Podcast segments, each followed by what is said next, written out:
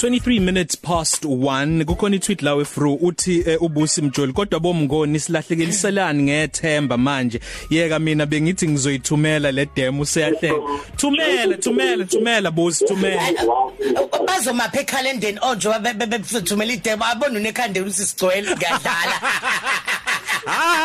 Haw kuthiwa open up the industry nje wena ucabanga ikhalende. Hayi bosibanike ekhalendeni ngathi sakwethu ngaphi tanda futhi njengoba uyindlovukazi nje lapha nalesiya skate ingabi ingubo.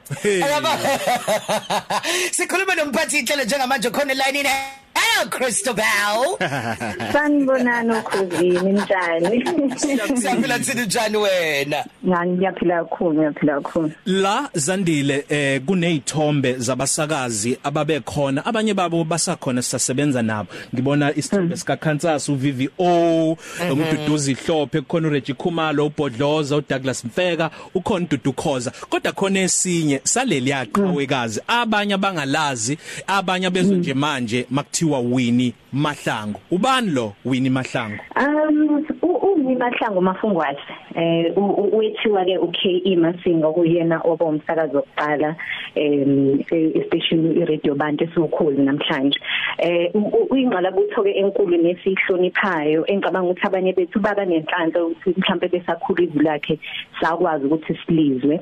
Em waba wokuqala umuntu wesifazane ukusakaza emsakazweni wesiZulu eyedwa eh kwaze kwathatha iminyaka nje e, eminingi until the 90s ebengena emsakazweni ngama 60s ukuthi aqashwe ngokugcwele ngakho omunye abantu besifazane simhlonipha kakhulu ukuthi mangabe eh, sibungaza leminyaka ewu60 yokhozi nendima esidlalo umsakazo ukhozi kumlalelo ukhozi em esihloniphayo kakhulu. Kungani pho ukukhethwe ukuthi kusetshenziswe yena? Ikakhulukazi njoba kungenwa kulenyanga kancwaba uAugust ukuthi abe isibonelo kuphinde futhi kufuna ukuthi abantu besifazane babukele kuyena. Ikakhulukazi ngokweinqinamba ayebhekene nazo ukhulume ngokuthi kwaphela iminyaka engamashumi amathathu engasebenzi ngokugcwele kusho ukuthi engekho permanent. Ingqinamba abhekana nazo kungenzeka inipho mhlawumbe ukuthi kungenzeka ukuthi abantu besifazane basabhekana nazo? Ayikuphela emsebenzini noma kwi media industry kodwa nje emsebenzini yonkana kuzo zonke imboni mm i, I think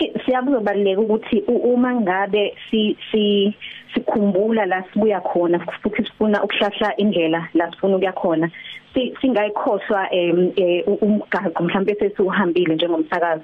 Ngakho kuyobe kuyiphutha elikhulu njengokhozi uma singeke sakuphakambisa lokho ukuthi nakuba sesilase sikhona. Eh umshikashiko obhekene nomuntu wesifazane kwezokusakaza semkhulu kakhulu.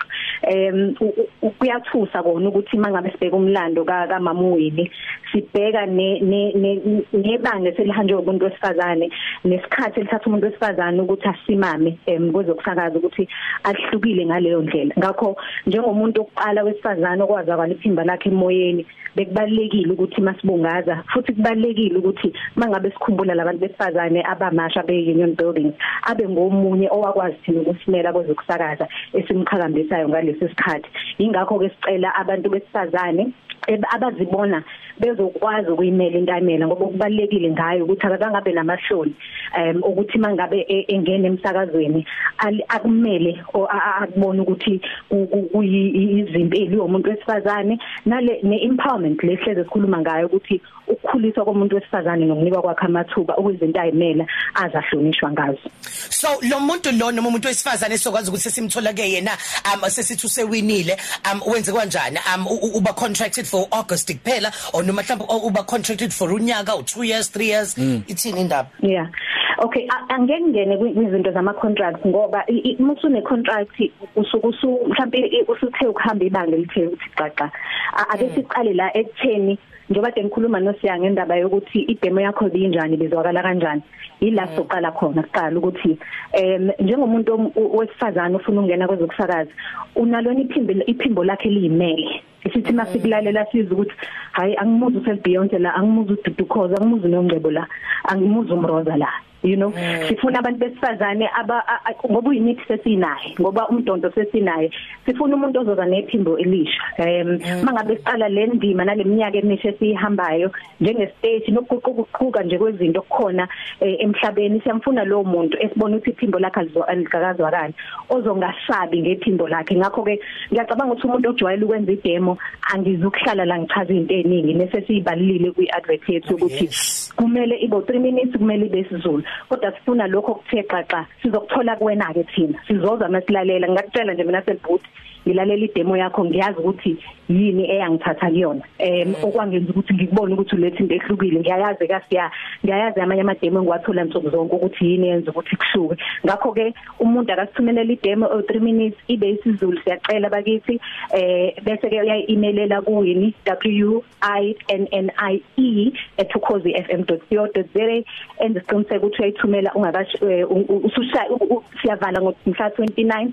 ngo midnight kodwa mawusheshe uyiletha mhlawumbe nawe uzoyibeka ethubeni ungalindi uze kube u- u- u last minute. Then ke sine panel ngaphakathi estation ezoba nabantu abahlukahlukene abanamava ahlukile abazoyilalela yilapho ngisoqala khona ukuselecta oh anizukuyoyilalela emakhaya bese niyasihleka. No lawo yilawo eso yilawo esothola nsuku zonke lawo abantu abafisa umngena emsakazweni e- engwalalela noma inini. Ngilalela ngidriver ngilalele ngihlele office Nenza njani? ngilalele Nenza njani? kuyasiza nkosi yami ukuthi uyinika ithuba. Yabo ungaphazamisekile ukuthi ulalele. Yeah. hayi cha ozana abangisizi shem ngoba bazi. Siyabonga kakhulu Zandile ngesikhathi sakho ukuthi ukwazi ukuthi ukhulume nathi. Esicela uqhubeke nomsebenzi. Work goes on bye back to the office.